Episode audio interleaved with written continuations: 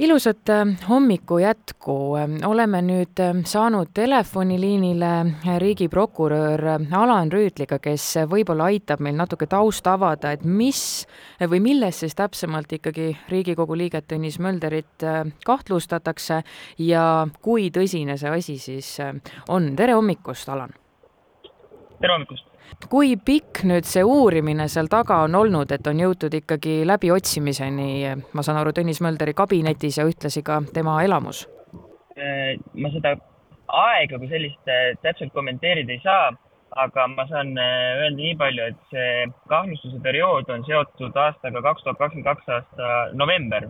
et sellest alates meil tehti siis ettepanekuid regionaalsete investeeringute tegemiseks, niinimetatud katuserahadeks. et sellest hetkest on see asi olnud ka siis eh, Kaitsepolitseiameti ja Riigiprokuratuuri huviorbiidis.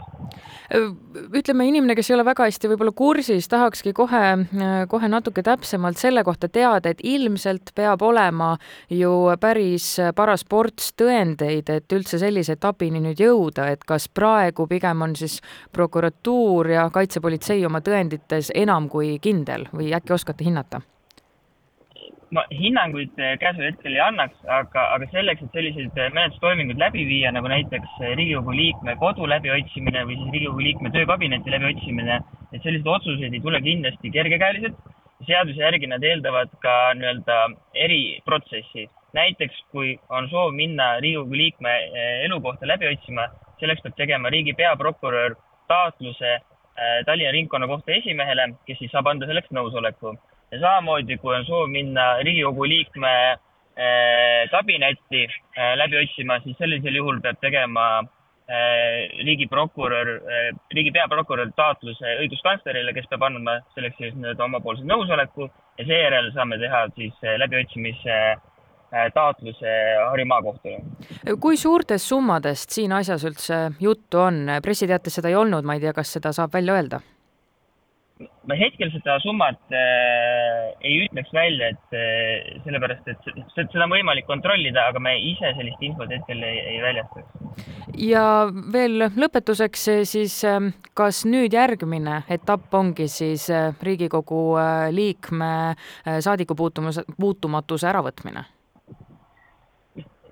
see oleks nii-öelda ilmselt üks kõige viimaseid etappe, et hetkel me räägime nii-öelda tekkinud kahtlusest, ehk siis ma rõhutangi seda, et see on alles esialgne kahtlustus, äh, mis võib ajas muutuda.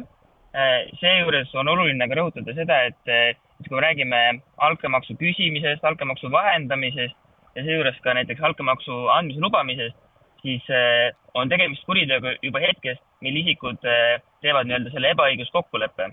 ja, ja hetkel Kaitsepolitseiamet ja Riigiprokuratuur tegelevadki sellega, et koguda nüüd kõik nii-öelda võimalikud tõendid Eh, et otsustada sellest, et kas üldse on alust kedagi millestki süüdistada. hetkel me räägime ikkagi siiski nii-öelda esialgsest kahtlustusest, mida me siis ka käesolevate menetlustoimingutega kontrollime.